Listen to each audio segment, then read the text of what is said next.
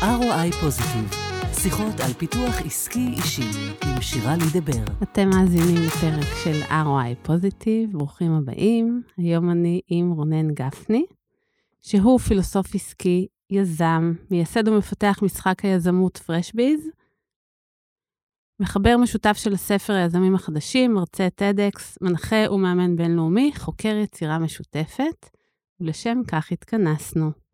לדבר על יצירה משותפת זה נשמע רעיון גדול, כביר, אולי זה באמת רעיון גדול וכביר.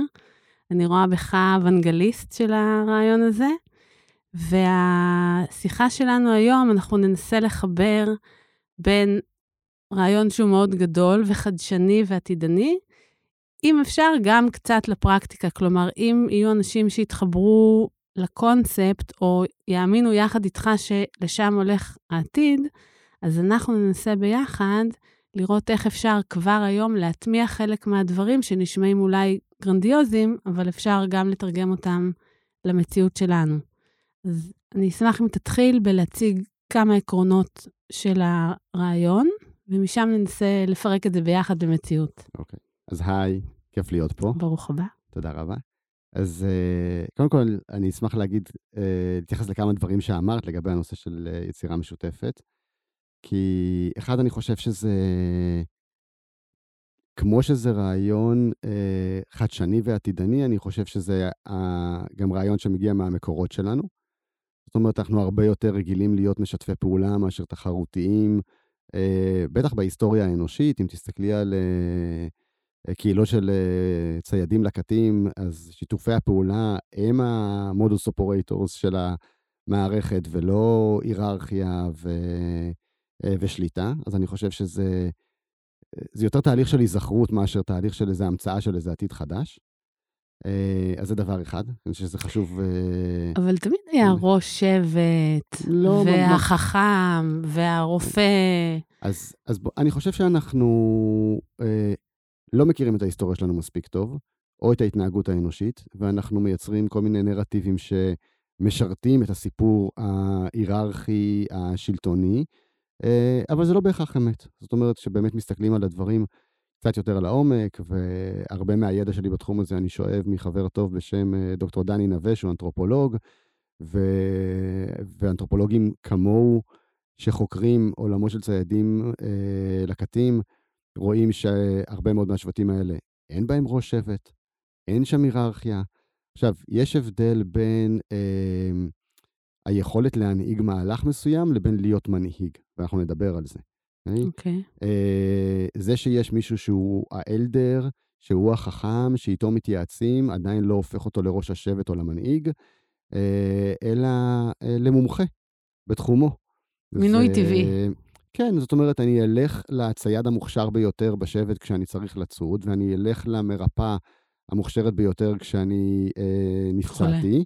ואני אלך לחכם אה, האלדר כדי לקבל עצה. אה, זה לא הופך אותם למנהיגים, זה לא בהכרח אומר שיש פה היררכיה, זה לא אומר שיש להם אה, כוח או מעמד, זה רק אומר שהם מומחים בתחום מסוים, וזה מאוד מחובר לעידן היצירה המשותפת. זאת אומרת, זה לא אה, אה, מתנגד לזה, אני חושב שזה שאנחנו שמנו על עצמנו אה, אה, מלכים אה, כאלו ואחרים, זו תופעה יחסית חדשה. חדשה, שוב, יכול להיות כמה אלפי שנים, אבל היא חדשה. אנחנו מסתובבים פה כמה מיליונים על, על הכוכב הזה. מה ההפך מיצירה משותפת? יש ההפך? כן. מה? תחרותיות, אוקיי. נבדלות, נפרדות, אה, אגוצנטריות. יש הרבה, יש הרבה הפכים לדבר הזה. אמ, ועוד משהו קטן לגבי ה... אם לשם הולכים, האם זה העתיד. אז אני חושב שגם פה צריך להיות מאוד מאוד זהירים בהצהרות האלה, בכלל מה זה העתיד. אני לא חושב שיש עתיד אחד.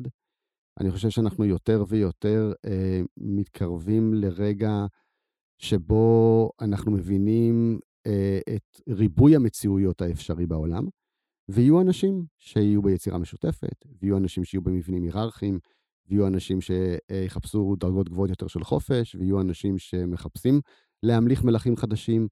אה, יהיה מהכל. זאת אומרת, זה לא לשם העולם הולך, זה גם לשם העולם הולך. ואני חושב שברמת האחריות האישית שלנו, אה, תהיה לנו אחריות אישית הרבה יותר גבוהה לבחור את פורמט המציאות האפשרי שאנחנו רוצים לחיות בו. אז זה עוד מציאות אפשרית למי שיחליט שזה המודל שנכון עבורו. כלומר, בעיניך אין טוב ורע. אין היררכיה זה רע ויצירה משותפת זה טוב. זה עוד נתיב למימוש? שוב, את יודעת, מה זה טוב ורע? טוב ורע זה רק בעיני המתבונן, אוקיי? מישהו יכול לבוא להחליט שזה שיש שלושה אנשים בעולם שמחליטים על מה יקרה בעולם זה טוב. יש אנשים שיחליטים שזה רע.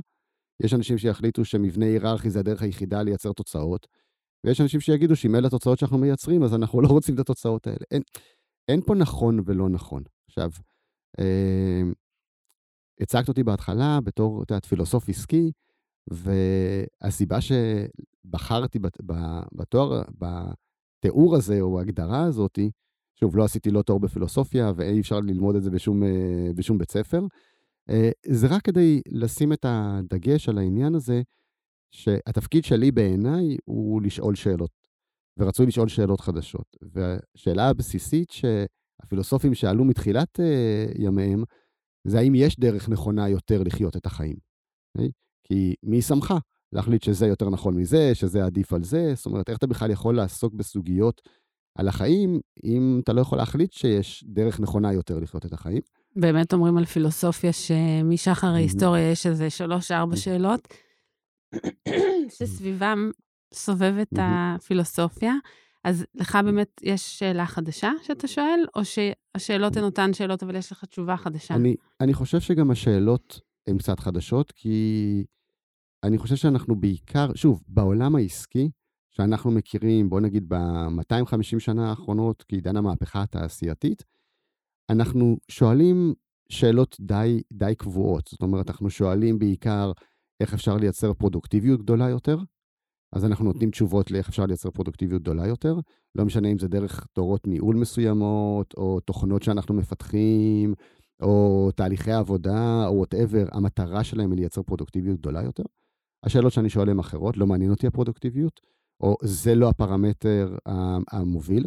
אה, אני שואל איך אנחנו יכולים לייצר איזשהו well-being של האורגניזם הזה, שאנחנו נמצאים כחלק ממנו. אה, אז אני חושב שהשאלה שאותי הכי מעניינת כרגע זה איך מייצרים התפתחות אנושית מתוך מרחב ססטיינבילי, בר קיימא, כלפי הכוכב, כלפי עצמנו, אה, לא מגיעים למצבים שאנחנו שחוקים, גמורים, עייפים, תשושים, לחוצים, כי זה בעיניי חוסר ססטיינביליות ברמה האנושית. אבל זה נשען על ההנחה שאם...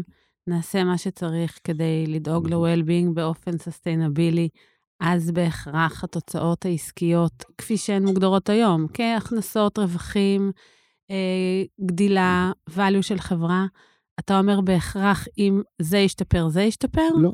אני אומר שזה בהכרח לא מעניין אותי. Mm-hmm. לא מעניין אותי להגדיל את ההכנסות של החברה, לייצר ערך לבעלי המניות, זה לא, זה לא metrics שמעניין אותי למדוד אותו.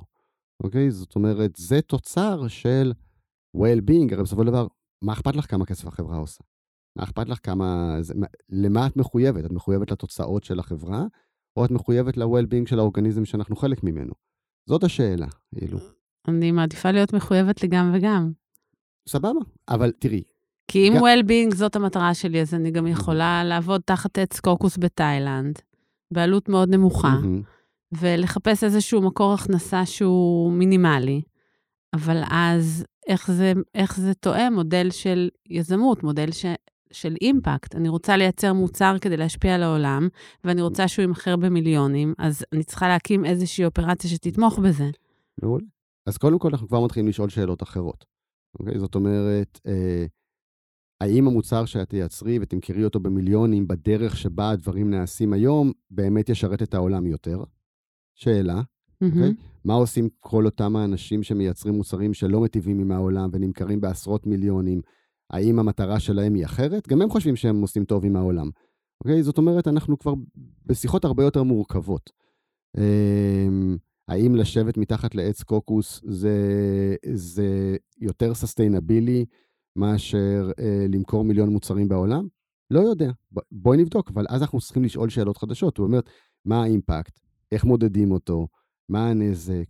זה שעכשיו מכרת מוצר אה, במיליון אה, יחידות, אבל הוא מופעל בתוך חברה היררכית שאנשים לא נמצאים בה ב-well-being, וכל התודעה שלהם היא תודעת עבדות, אז עשית טוב לעולם או עשית רע לעולם? לא יודע.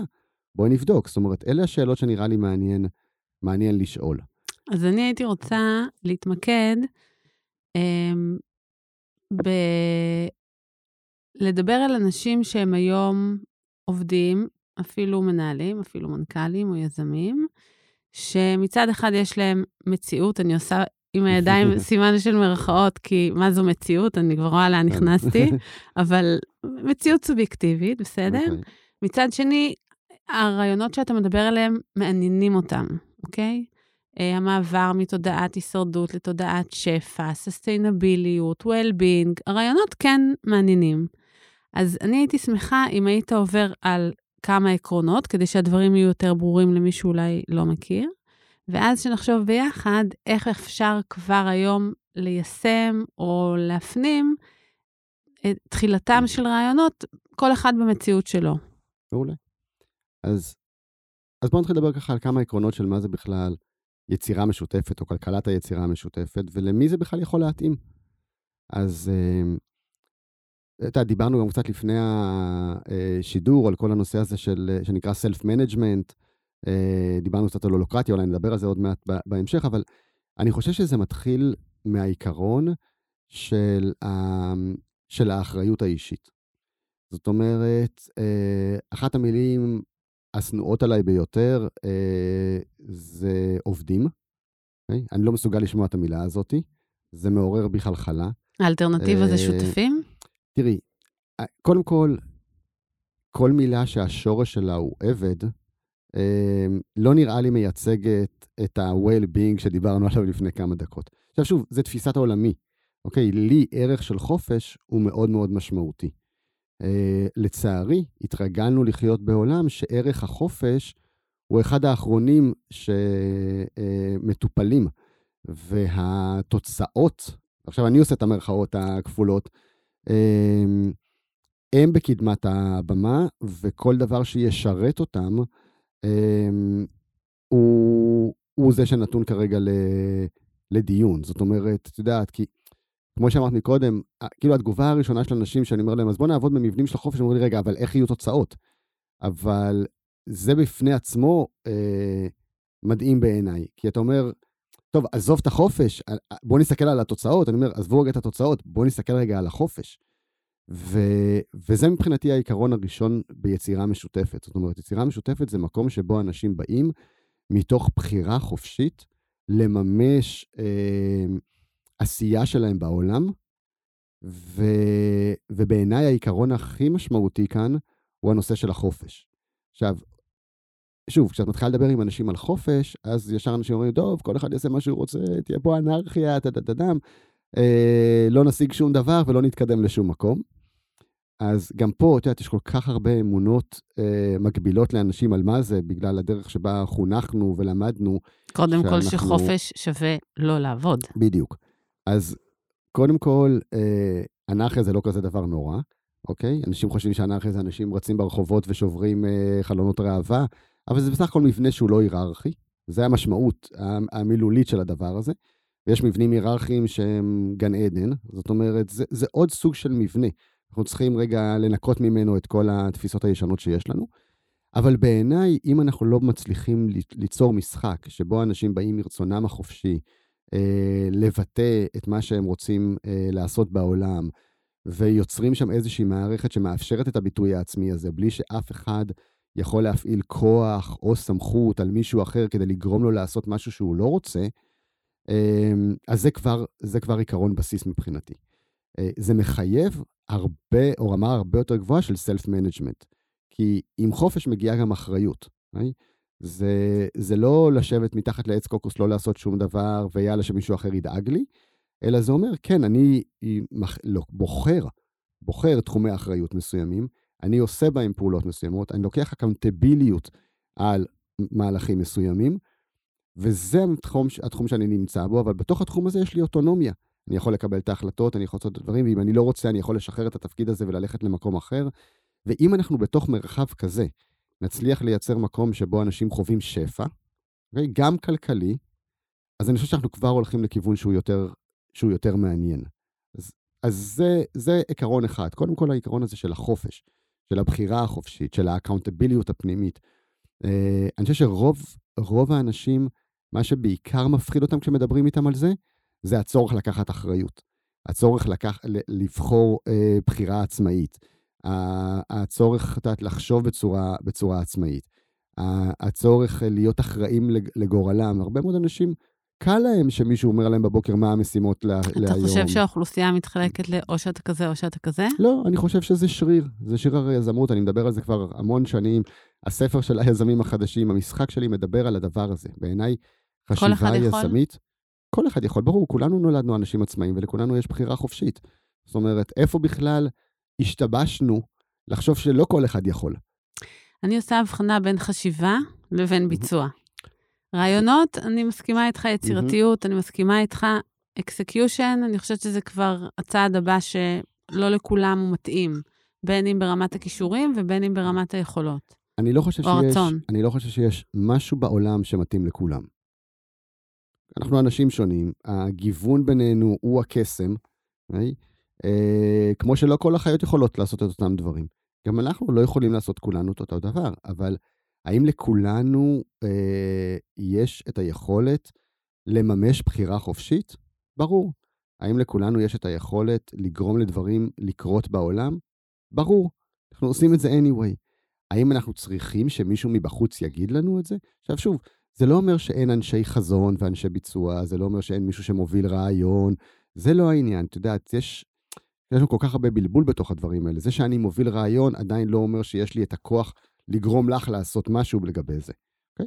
אני יכול to inspire you, אני יכול לעשות דברים מהסוג הזה, אבל אני חושב שהמערכת היום בנויה בצורה כזאת שהיא אה, מדכאת הרבה מה, מהבחירה החופשית, ואז אנחנו חושבים שאנחנו לא יכולים, בסדר? אני לא מכיר אף אחד שבא לילד שלו ואמר לו, תשמע, אתה מסוג האנשים שלא יכולים. אז אתה. תמצא מקום, יכול להיות, אבל אני לא חושב שאנשים שבאמת באים ממקום... גם מנהלים אה, אומרים את זה לעובדים. זה ברור לי שמנהלים עובדים, אומרים את זה לעובדים, כי זה כבר מנגנון השליטה. אבל אני לא חושב... מה ההבדל בין מנהל להורה? בן אדם זה בן אדם. אני, אני אגיד לך מה ההבדל, שוב, נכון, אני חושב שלהורים, שוב, יש אספירציות אחרות, יש, אבל יש זה לא אומר כו... שהם עומדים בהן. נכון, אבל יש להם, אני חושב, כוונה אה, טובה יותר כלפי הילדים שלהם, או אמורה להיות להם כוונה טובה יותר כלפי הילדים שלהם. אה, אבל אני לא חושב שאת תבואי לילדים שלך ותגידי, אה, אתה מסוג האנשים שלא יכולים, אז אתה תמצא שמישהו שיגיד לך מה לעשות. אה? אני לא חושב שזה הכיוון שהיינו רוצים ללכת אליו. אנחנו פשוט איכשהו מגיעים לשם. אבל אני לא חושב שזה האספירציה של אף, של אף אחד להיות בן אדם ש... מרגיש שהוא לא מסוגל לקבל החלטות, הוא לא מספיק מסוגל לבצע, והוא פשוט יעשה מה שאחרים אומרים לו. אז אני רגע לוקחת את העיקרון הראשון של, ה... של החופש, או של הבחירה mm-hmm. החופשית והאחריות, ואם אני מנסה לתרגם אותו לפרקטיקה, אז אם עכשיו אתה יזם שמקים חברה, או הנהלה, או כבר יש חברה ואתה רוצה לגייס אנשים חדשים, אז בעצם יש פה פרספקטיבה חדשה איזה סוג של אנשים אתה רוצה לגייס. כלומר, כשאתה בודק רזומה מעבר לשורות היבשות שרשומות בלינקדאין, אתה רוצה גם להבין אם הבן אדם הזה זה בן אדם שזקוק לחופש, לעצמאות, אה, לעבודה אוטונומית, כלומר, שגר ושכח, אם, אם תהיה לי בעיה, אני אבוא אליך, או בן אדם שזקוק למסגרת מאוד אדוקה, אה, אפילו ל micro-management, כי אחד כזה כנראה פחות ישתלב בארגון שרוצה אנשים יותר, אה, שתורמים בחופשיות מעצמם. Um, כן, אבל it goes even deeper, מה שנקרא. Okay. כי אוקיי. מה זה אומר לגייס? מה המשמעות של המילה לגייס? לאן, למה אני מגייס אותם? זה, זה צבא? זאת אומרת, אנחנו כבר, כל השפה צריכה להשתנות, כי השפה שלנו היא נורא שפה אה, היררכית, היא נורא שפה של אה, שליטה. ברור, אז, אבל uh, אני מדברת על איך לעשות את כן. הצעד כן. הראשון אומר, מהיום אז, למחר. אז הצעד הראשון הוא כבר, ובואו נראה בכלל באיזה מילים אנחנו משתמשים. זאת אומרת, כשאנחנו מדברים על יצירה משותפת, אנחנו לא מדברים על לגייס אנשים, אנחנו מדברים על להזמין אנשים. Mm-hmm. אני מזמין בן אדם, כי שוב, כשאני מגייס, זה אומר... אני מחליטה ש... עליך. אני מחליט עליך. זה אומר שהולכים לעשות את מה שאני רוצה, ואתה כאן אה, למלא את הפקודות. אנחנו משתמשים במילה, בשפה שהיא נורא נורא צבאית בשביל יצירה משותפת. שוב, זה לא מתאים לכולם, אני אומר, מה, מה ההגדרות שמתאימות לאנשים שרוצים לעסוק ביצירה משותפת? תכף נבין גם מה, מה ה-benefits של זה, למה okay. לי אוקיי. בכלל לרצות להיות שם. אבל קודם כל, כהתחלה, אני מזמין אנשים ליצירה משותפת. זה לא שלי ואני אגיד לך עכשיו מה לעשות, אלא זה שלנו ואני מזמין אותך.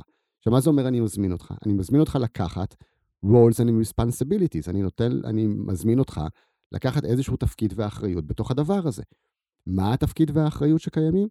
אז יש שתי דרכים. או שאני, מתוך, אם אני הוויז'נרי של הרעיון לצורך העניין, זה לא אומר שאני, יש לי בו זכויות יתר, או יש לי היררכיה מסוימת, אומר, אני פשוט, זה שהתחיל להדליק את האש הזאתי, אז אני יכול לבוא ולהגיד, אוקיי, מה שאני יודע שאני מחפש, זה א', ב', ג' וד'. אני צריך מישהו שיודע אה, אה, לכתוב קוד, כי אנחנו רוצים להתעסק עם איזה כתיבה של אה, תוכנה. אני צריך מישהו שמדליק אותו לדבר עם אנשים, כי אנחנו רוצים להביא אנשים שיקחו חלק בדבר הזה. אה, אני מחפש מישהו שיודע לעשות מצגות מגניבות, כי חלק ממה שאנחנו עושים זה, זה אה, מצגות שצריך לעצב, whatever. ואז אנשים באים ובוחרים לעצמם איזה role ו-responsibilities הם רוצים לקחת לעצמם. או הם יכולים לבוא ולהמציא לעצמם role ו-responsibility. יכול להגיד, שמעו, לא, לא כתבת שאתה רוצה את זה, אתה לזה, אבל מה שאני יודע לעשות, זה אני יודע לפתוח את השוק האמריקאי. אני לוקח על עצמי את הדבר הזה. ועכשיו אנחנו בשאלה של האם באמת יכולות להתחיל להתגבש קבוצות שמניעות ביחד רעיון מסוים. אז קודם כל אנחנו מזמינים.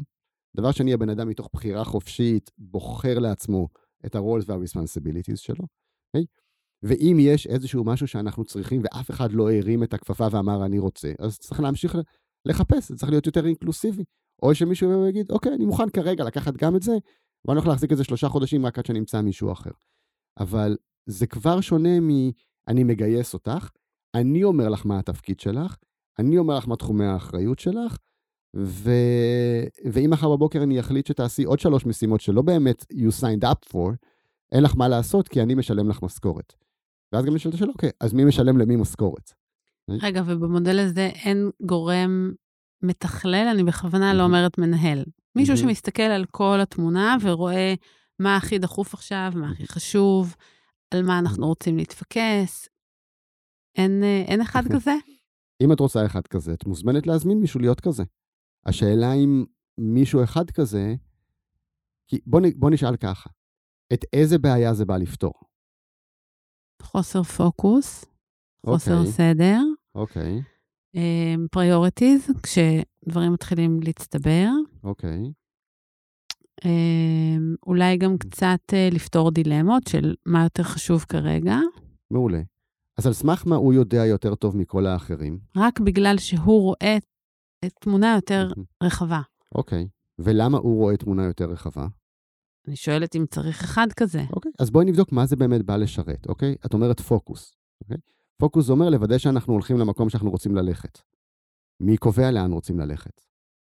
לצורך העניין, מי שהוא הוויז'נר, כמו שהגדרת, וחבר מרעיו. אוקיי. אז יש לנו כבר איזושהי קבוצה מסוימת, התחלה להתגבש קבוצה שהיא קבוצה, קבוצת האסטרטגיה, אה, או קבוצת החז, החזון נקרא לזה, והיא מסרטטת איזשהו כיוון. עכשיו, שוב, צריך להבין שכשאנחנו ביצירה משותפת, היצירה המשותפת חשובה יותר מהמקום שאליו החליטה אותה קבוצה בהתחלה שהולכים. זאת אומרת, אם, אם עכשיו הוזמנו לתוך הדבר הזה 40 אנשים, אוקיי? ופתאום יש קולות אחרים שבאים ואומרים, אה, וואי, אולי בכלל צריך ללכת לשם, ולא לשם. מתוך מה שראינו, גילינו, אז למי הכוח? ואז פה נשאלת שאלה, אוקיי? עד איזה רמה, אנחנו עכשיו בעצם בשיחה על מה שנקרא governance, אוקיי? על קבלת החלטות. מי מקבל את ההחלטות באיזה נושאים. וגם פה, את יודעת, יש הרבה מאוד רמות. יש רמות שבאות, ויש רובד אחד שבא ואומר, תשמעו, אין בעיה, אני בתור הפאונדר של הדבר הזה, בתור מוביל הרעיון, אני כרגע רוצה להיות בקבוצה שמקבלת את ההחלטות לגבי הדבר הזה, וזה לא פתוח לשאר הקבוצות, לשנות מסלול אסטרטגי. להלן okay? אוקיי? דיקטטורה במסווה של uh, קיבוץ. סבבה, נכון. וזה יכול ללכת למלא כיוונים. זה יכול להפוך להיות עם הזמן אה, גוף שהוא הגוף המקבל ההחלטות, והוא לוקח לעצמו כוח ושליטה, ואנחנו במבנים היררכיים. זה יכול להיות קיבוץ... ככה הגענו אה, לבורד. לגמרי. זה יכול להיות אה, קיבוץ במסווה של אה, אה, קונצנזוס רחב, אבל שלושה בוחשים מאחורי, ה, אה, מאחורי הקלעים. זה יכול ללכת למלא מקומות. או שאנחנו באים ואומרים, גם זה פתוח לגוורננס. זאת אומרת, אם עכשיו באמת, הדבר הזה הוא גם דינמי, ויהיו מספיק אנשים שחושבים שצריך לכיוון אחר, אנחנו נעשה קבוצות של קבלת החלטות וננוע לשם. תראי, בסופו של דבר... להלן דמוקרטיה. לא.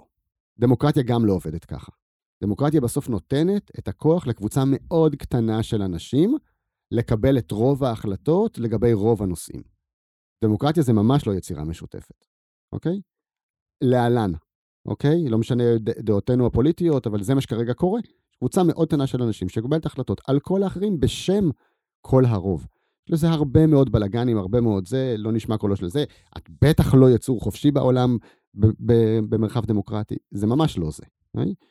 אה, גם דמוקרטיה אנחנו מנופפים בה מהר מדי, בלי להבין באמת את המשמעויות שלה. אז מה המודל אבל... הנכון? סיכמנו שאין נכון ולא נכון, אבל מה המודל האולי אז, מומלץ אז לקבלת הכל, החלטות? אז הכל שאלה, את יודעת, כמה, אה, כמה, רח, כמה רחב אנחנו פותחים את נושא ה-governance.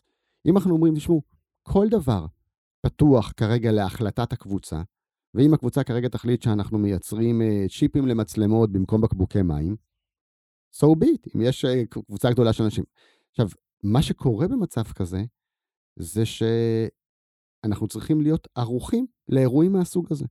זאת אומרת, אנחנו קודם כל מקבלים החלטות בקבוצות ולא, ולא כ, כבודדים. זאת אומרת, יש קבוצות עבודה שמקבלות החלטות, ואנחנו צריכים לייצר ביניהם את הרובד של הסינכרון. אחד הדברים שדיברת מקודם זה כי מי מסתכל על התמונה הגדולה, התמונה הגדולה גם המטרה שלה היא היכולת לסנכרן בין היחידות השונות. זאת אומרת, לדעת שהחבר'ה שעכשיו מכרו למישהו איזשהו מוצר, מוודאים שהחבר'ה שמפתחים, מפתחים באמת את המוצר שהם מכרו, אוקיי? כי אם כל אחד יכול לעשות מה שהוא רוצה, אז אנחנו צריכים לייצר מנגנונים של סינכרון, אוקיי? אבל מנגנונים של סינכרון יכולים להיות בלי, אה, גם בלי הנושא הזה של בהכרח אה, היררכיה או סמכות, אלא פשוט מתוך הבנות. אוקיי?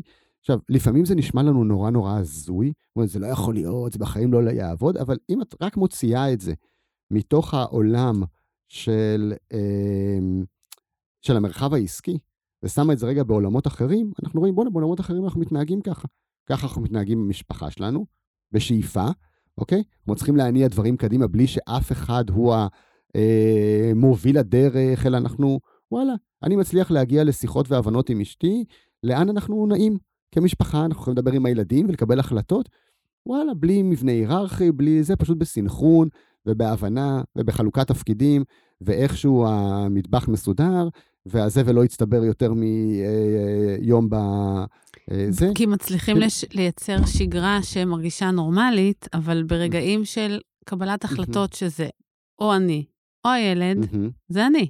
אלא אם כן החלטתי שהוא מחליט. ואז הוא מחליט, אבל זה כן החלטתי שהוא מחליט. לא, אלא אם כן החלטנו שאנחנו מקבלים החלטות באיזשהו אה, קונצנזוס מסוים.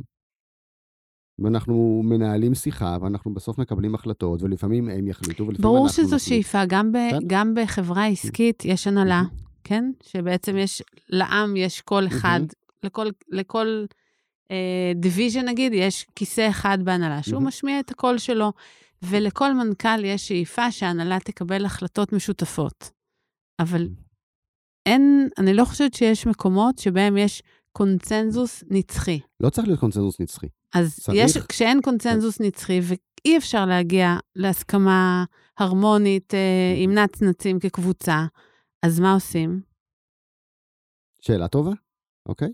מה עושים היום? כופים את, את ההחלטה שלך על מישהו אחר? אז יש שתי אפשרויות. יכולה להגיד כזה דבר, היום אנחנו כופים החלטה, ואז כל האנשים צריכים להתיישר להחלטה הזאת. מה שקורה כשאת עושה מהלך כזה, זה שמהר מאוד את צריכה לטפל בבעיות שהן by design נוצרו, שלא היו נוצרות. כתוצאה מהכפייה. ברור. כי איך זה יכול להיות שרוב החברות בעולם מקיימות אה, סדנאות או מתעסקות בנושא של employee engagement. שמעת המונח הזה מן הסתם, את מכירה אותו, את יודעת שרוב האנשים מתעסקים בזה. למה אנחנו בכלל מגיעים למצב שאנחנו בכלל מתעסקים ב-employee engagement? אגב, קראתי או שמעתי mm-hmm. שגם 51 אחוז mm-hmm. מהמנהלים סובלים מ disengagement. ברור, מה ההבדל, מה ההבדל ביניהם? מה, הם, להם יש חוקים אחרים? זה אותם חוקים.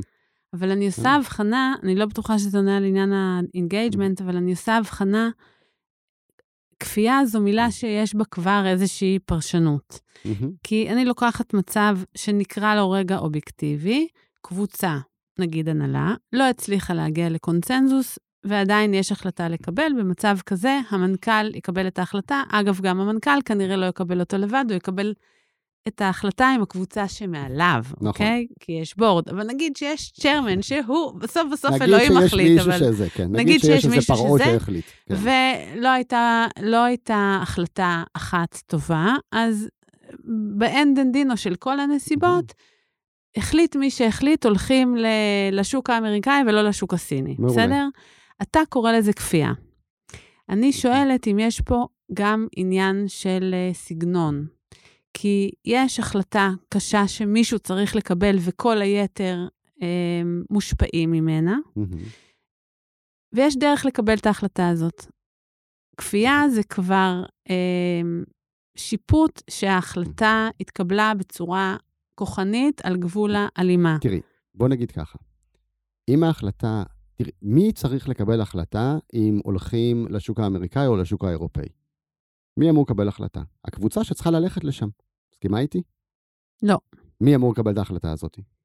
אלה שיש להם תמונה אה, יותר רחבה. למשל, תמונה מנקודת מבטם של משקיעים, שבוחנים value של חברה לפי פרמטרים מסוימים. לא דווקא אנשי המכירות שצריכים לעלות על מטוס ולטוס לניו יורק ולא okay. אוקיי. ללוס אנג'לס. אז מי יממש את ההחלטה? מי יממש את ההחלטה? אה, מי שעושה את העבודה בפועל. יופי. עכשיו, מי שעושה את העבודה בפועל, החליט שזה הדבר שבא לו לעשות. בא לו לעלות על מטוס ולנסוע עכשיו לאנגליה במקום לניו יורק כדי לעשות מכירות. נכון, אמרנו, זה העיקרון הקודם. אני בוחר את ה-roles and responsibilities שלי. אז אם לא בא לי לעלות עכשיו על מטוס ללונדון, כי אני חושב שנכון לעלות על מטוס לניו יורק, אז יש שתי אפשרויות. או שאני יקום וילך, או שאני אעשה את זה למרות שזו לא הבחירה החופשית המלאה שלי. ורוב האנשים, מן הסתם, ייסעו ללונדון למרות שזו לא הבחירה החופשית. ואז אנחנו נמצאים בשאלה. איפה היה נכון להשקיע את האנרגיה? בעכשיו, לתמרץ אנשים שאין להם מוטיבציה ללכת לעשות משהו, כי הם בינתיים מוכנים לקחת את הכסף של המשקיעים בתור משכורת ולהגיד, מה אכפת לי? כאילו, אני כאן רק לתקופה קצרה ואני אעשה סיבוב. ואז אנחנו מתעסקים עם employee engagement, ירידה במוטיבציה, אה, שכבות ניהול שצריך בשביל לוודא שבן אדם עשה את התפקיד שלו כי כבר אין לו מוטיבציה לעשות את התפקיד שלו, או הוא לא מוכשר לעשות אותו, אבל הכריחו אותו לעשות כי הוא כבר לא באזור הגאונות שלו. כל זה, כל האנרגיה שמגיעה עם הדבר הזה, או להשקיע יותר אנרגיה בלייצר קונצנזוס, או להבנה, הרי מה זה אומר אני החלטתי שהולכים לאירופה ולא, ולא לארצות הברית. זה אומר שאני רואה משהו, אוקיי? את התמונה הגדולה הזאת, שאתה לא רואה, אוקיי? אני לא מסוגל להסביר לך את הקונטקסט שאני רואה את הדברים. למה? עובדה, כי קיבלתי החלטה בלי הסכמה. זאת אומרת, לא הצלחתי להסביר לך. זה המשמעות. הרי מה זה אומר? למה, למה הייתי צריך לקבל החלטה שהיא לא בהסכמה של האנשים שצריכים לבצע את המשימה? כי לא הצלחתי להראות לך את הקונטקסט שאני רואה, או לייצר הבנות שאת תסכימי איתי, זה לא אומר שאת צריכה להיות סופר excited לגבי עכשיו לעלות על מטוס ולנסוע ללונדון, זה רק אומר שאת מבינה מה שאני מבין. ישבנו ביחד ואמרנו, את יודעת מה, אני לא מת על הרעיון, אבל אני מבין את נקודת מבט שלך, הבנתי את ההקשר, דיברנו עם החבר'ה של המוצר, גם הם אומרים לגבי זה משהו. נראה לי החלטה הגיונית, אני, אני זורם איתה. אני שוב מחדש לוקח על עצמי את ה-role and responsibilities שאומרים שאני הולך עכשיו לעלות על מטוס ולנסוע. זה אנרגיה אחרת לגמרי מאשר מישהו אמר לי, זה מה שאתה צריך לעשות. אני חושב שהרבה יותר חכם להשקיע אנרגיה בלייצר את הקונסנזוס הזה ואת ההבנה הזאת ולחלוק את נקודת המבט שלך ולייצר את ההקשרים לאנשים אחרים שיראו מה שאתה רואה. זה אני מסכימה איתך. ש... אז לשם... זה ההבדל, בין, mm-hmm. קראתי לזה סגנון, אולי לא כן. בצורה מדויקת, אבל זה ההבדל בין כפייה לבין, אני לא יודעת מה ההפך, אבל הבנה, אולי... הבנה, אולי engagement, כן, נכון, סינכרון. הבנה, סינכרון. הרי בסוף אני כל יום מחדש צריך לקחת על עצמי את ה-Walls and Responsibilities שאני בוחר למלא, אוקיי?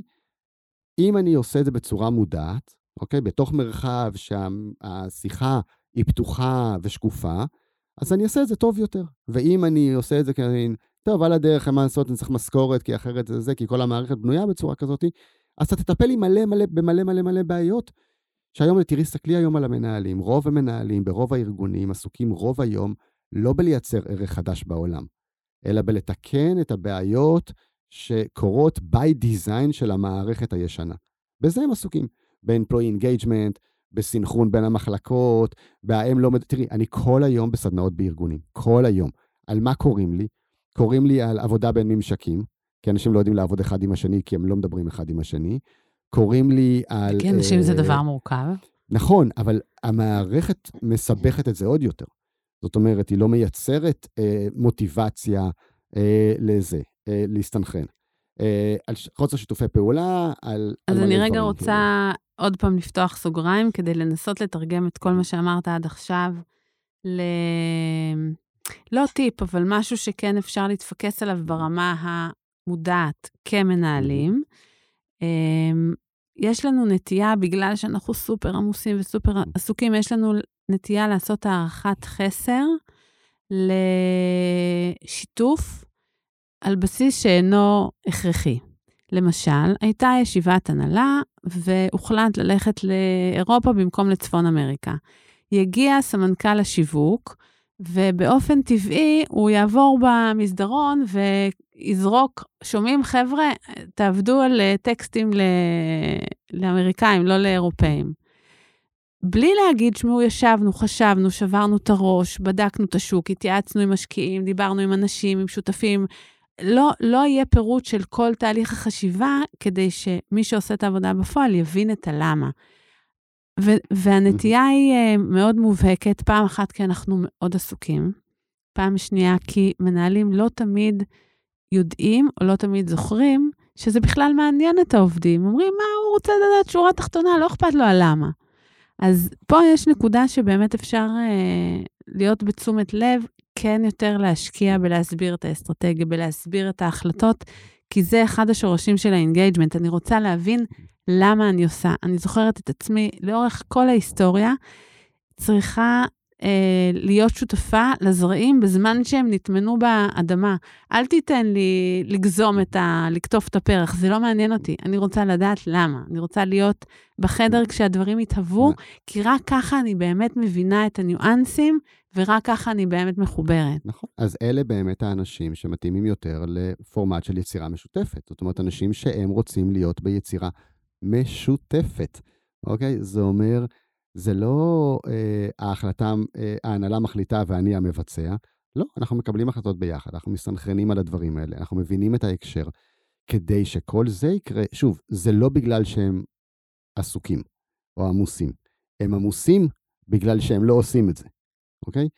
אם הבן אדם היה באמת עושה את ה-roles and responsibilities שהוא בחר בתוך אזורי הגאונות שלו, יודע איפה הוא מתחיל ואיפה הוא נגמר, עושה דברים שהוא אוהב, אז קודם כל הוא יהיה הרבה יותר יעיל, אוקיי? כי כשאת עסוקה בלעשות את הדברים שאת אוהבת, ואת שמחה, ואת טובה בהם, אז א', זה לוקח לך פחות זמן, כי את ממש טובה בזה. את נהנית הרבה יותר, אז את לא מרגישה שחיקה. והארגון מוציא ממני ו... את המקסימום שיש לי לתת. אין בעיניי דבר כזה שנקרא ארגון, אוקיי? כי הארגון לא בא להוציא ממני שום דבר. אנחנו באים ליצור ביחד. שוב, זה הכל עניין של שפה. הערך שאני אדע לייצר בתוך היצירה המשותפת שלנו הוא הגבוה ביותר כנראה, מכל שאר הדברים האחרים שיגידו לי לעשות.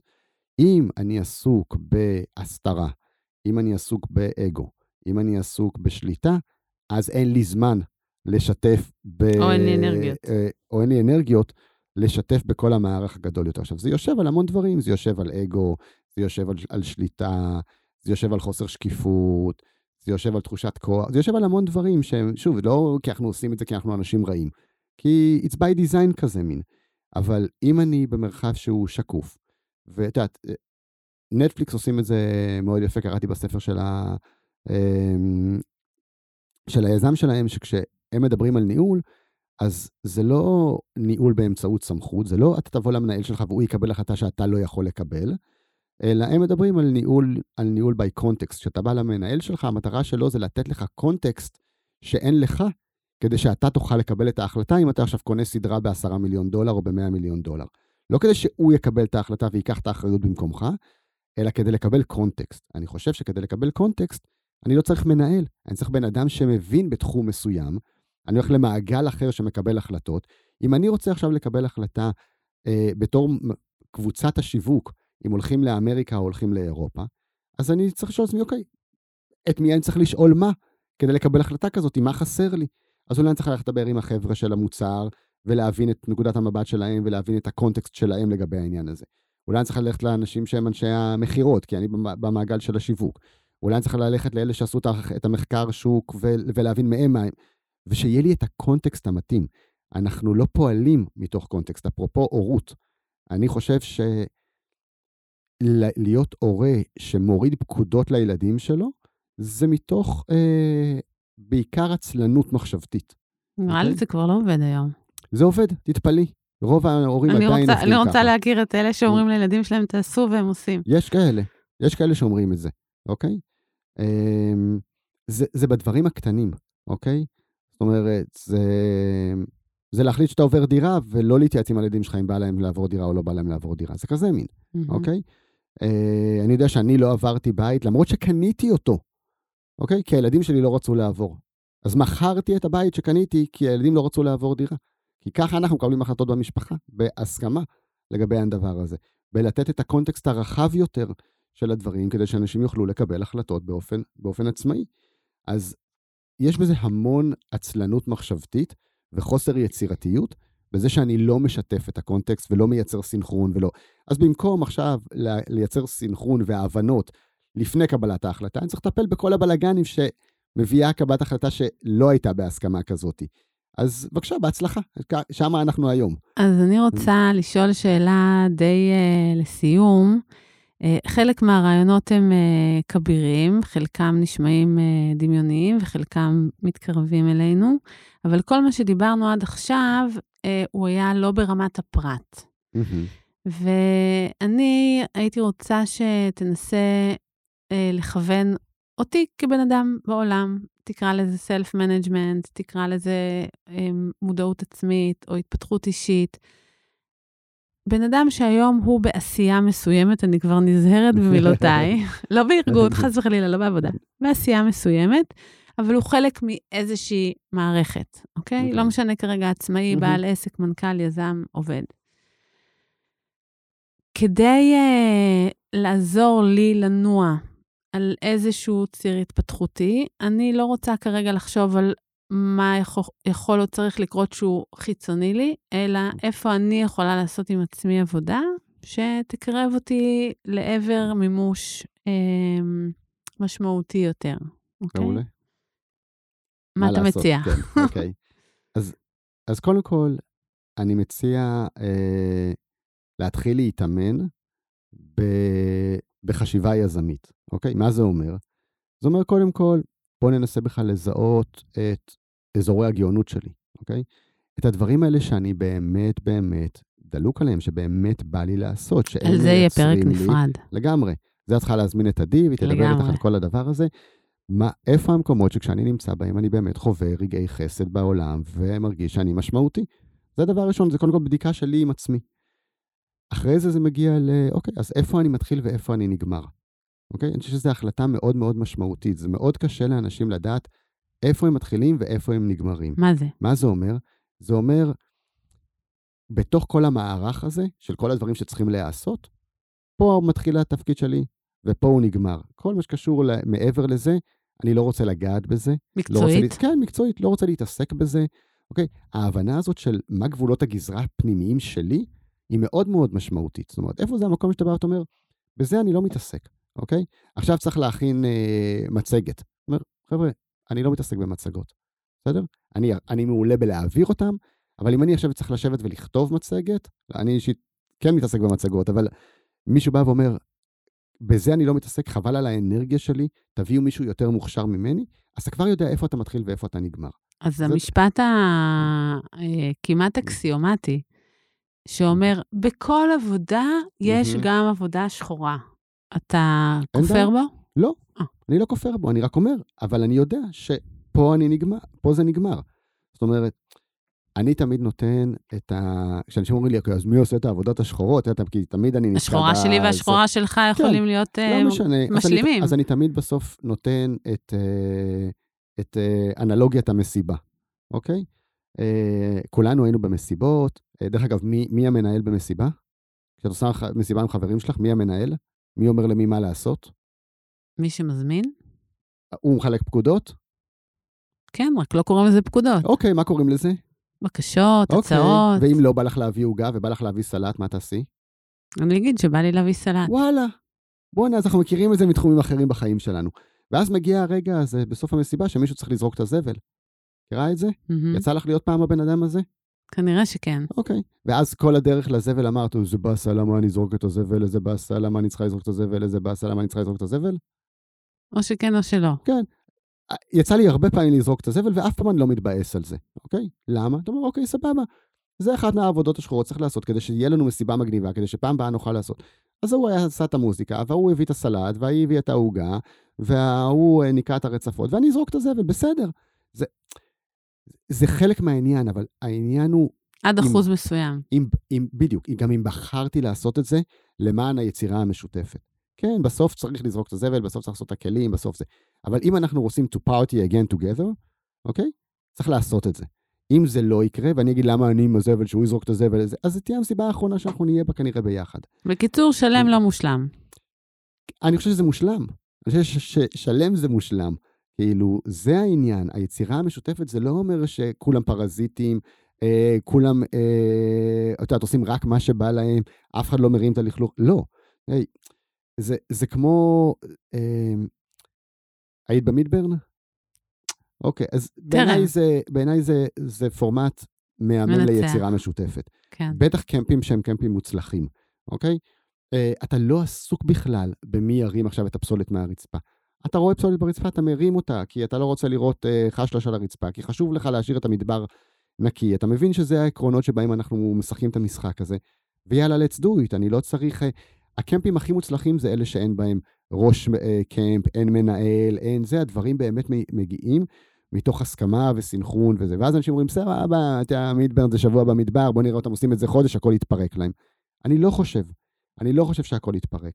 אני חושב שייבנו המנגנונים כדי לתמוך בדבר הזה גם חודש וגם שנה, ואז העקרונות האלה, שבאמת קבוצות של אחראיות על הקישוט, ומישהו אחראי על החשלש, ומישהו אחראי על המוזיקה, ומישהו, וזה, וזה קורה, וזה עובד, ויש שיחה, ויש הרמוניה, ואפשר להגיע לדבר הזה.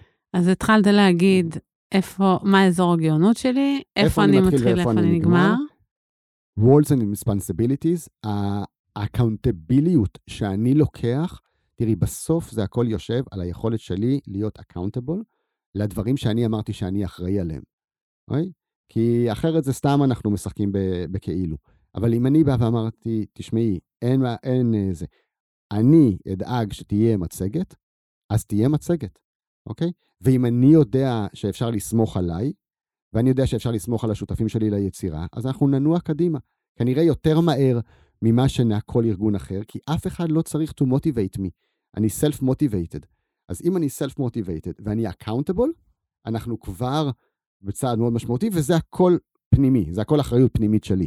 אני יכול לבחור את התפקיד שלי, אני יכול לדעת איפה אני מתחיל ואיפה אני נגמר, אני יכול לקחת אחריות על הדבר הזה, אני יכול to deliver, אני יכול אה, להיות בשקיפות. מה, מה עוד אני יכול לעשות? אני יכול לייצר שקיפות מאוד גבוהה. מאוד קל לבוא ולהגיד שאחרים יתחילו את המהפכה. מאוד קל, אבל you have to walk the talk, מה אוקיי? הקשר בין שקיפות ל... שאחרים יתחילו את המהפכה? כי, כי שקיפות זאת מהפכה. אוקיי? למה? כי אנחנו לא רגילים לחיות בעולם שקוף. את לא רגילה להיכנס אה, בתור, אה, עכשיו אני אשמר רגע במילה עובד, לתוך חדר ההנהלה ולהגיד, או, הבנתי שמתקיימת פה פגישת הנהלה, אני אשמח לשבת ולהקשיב. זה לא עובד ככה, אוקיי? עכשיו- אני חשבתי שאתה, כשאתה אומר שקיפות, חשבתי שאתה מתכוון למשהו שהוא יותר בקטגוריה של האותנטיות. למשל, שלהגיד, אמ, אני לא יודעת, שואלים אותי משהו בתחום, בתחום ה... זה, זה בגזרה שלי, ואני אומרת, אני לא יודעת. זה מבחינתי goes without saying. זאת אומרת, ברור שאם אני לא יודע, אני אגיד שאני לא יודע. זאת אומרת, האותנטיות היא, היא ברור, אם אנחנו לא מג... יוצאים מנקודת הנחה שאנחנו אותנטיים, אז לא עשינו בזה כלום. אז אנחנו כל הזמן. תראי, מה זה... אבל שקיפות, אנחנו כרגע מדברים על, מה, מהפרספקטיבה של האינדיבידואל. נכון. אז אם אני באה ודופקת בחדר הנהלה ואומרת. שלום, הצטרפתי, מעניין אותי מה קורה פה, אז נכון. זה לא שקיפות מהצד שלי. נדרשת שקיפות, אז שקיפות אומר, מהצד אז השני. קודם כל אנחנו צריכים להתחיל את זה. איך אנחנו מתחילים את זה? לבקש פשוט? לא, להיות שקופים. אנחנו מביאים שקיפות. אנחנו, לדוגמה, אני יכול להגיד לך, פגשת את זה אה, בשיחה המקדימה שלנו, לקחתי אותך לאיזושהי מערכת דיגיטלית שאנחנו עובדים איתה, שבה אנחנו מקיימים את הפגישות שלנו, יש לנו קהילה של אנשים שיוצרים ביחד, וכל בן אדם יכול להיכנס לכל חדר שמתקיימת בו כרגע כל פגישה, ולהיות נוכח בה, להקשיב לה, אוקיי? ברגע שאנחנו מתנהלים בשקיפות, אני ממש, אין בעיה, אתם רוצים עכשיו שנדבר על אה, אה, לאן הולכים, לארה"ב או לאירופה, אתם רוצים שנדבר על מודלים של תגמול, אתם רוצים שנדבר... אין בעיה, החדר פתוח, פה מתקיים הדיון הזה והזה. מי שרוצה מוזמן לבוא ולזה. ככה וככה אני מרוויחה. כן, ככה וככה אני מרוויחה. הכל שקוף, הכל פתוח. ברגע שאנחנו מייצרים פתיחות כזאת ושקיפות כזאת מצידנו, וקודם כל זה אנחנו. זה ויראלי. אז, אז זה כבר מייצר בדיוק, זה מייצר תרבות שמתנהגת ככה. ואז נחסכת המון אנרגיה של הסתרה, הרי מה זה אותנטיות, או חוסר אותנטיות? זה הסתרה, אוקיי? Mm-hmm. הסתרה זה חוסר שקיפות. Mm-hmm. אז אם אני עכשיו בא ויכול להגיד, שמעו, היום אני מבואס, לא בא לי לעשות את המצגת, לא יקרה, למרות שהבטחתי להיום, זה יקרה למחר, אז אם זה יקרה לי פעם או פעמיים בשקיפות וזה, סבבה. אם אני כל פעם זה, אז הקבוצה תדע שאני זה, ואז הקבוצה תוכל לבוא ולהגיד, סבבה שלקחת על עצמך את הנושא הזה של uh, לייצר מצגות, אבל אנחנו לא רואים אותך בתור יצרן המצגות, כי you can deliver. וזה עוד עיקרון, דרך אגב, אפרופו הולוקרטיה. זה לא אני רק קובע לעצמי מה התפקיד שלי, אלא זה כל הזמן משוקף מול הקבוצה. ואם הקבוצה באיזשהו מקום תבוא ותגיד, זה סבבה שאתה חושב שאתה כזה, אבל אתה לא, אוקיי? אז אין לי מה לעשות נגד זה. הקבוצה פשוט תוציא אותי החוצה מתוכה, כי אני לא אקאונטבל לעשייה שלי. כשאנחנו מייצרים לקיחת אחריות מצד אחד, גבולות גזרה ברורים, חופש, שקיפות ופידבק מתמיד מחברי היצירה, לעשייה הזאת, אז אנחנו כבר מייצרים איזושהי תרבות אחרת, שבה אני מתנהג בצורה שקופה, אני יודע מה התפקיד שלי, אני לוקח על זה אקאונטביליות, זה משוקף כל הזמן מול הקבוצה, אנחנו מסתנכרנים על מה שאנחנו רוצים, אנחנו נותנים אחד לשני את ההקשרים הרחבים יותר של ההחלטות שאנחנו מקבלים, אז נוצרת תרבות אחרת. אז אני רוצה לסכם את כל השיחה הזאת במילה אחת שהיא לא מפתיעה במקרה שלי, מודעות, מודעות, מודעות. משם זה מתחיל. נכון? לגמרי משם זה מתחיל. כן, טוב. זה הכל קודם כל זה. תודה רבה רבה, רונן. כן, תודה. ROI פוזיטיב, פינת ההמלצה.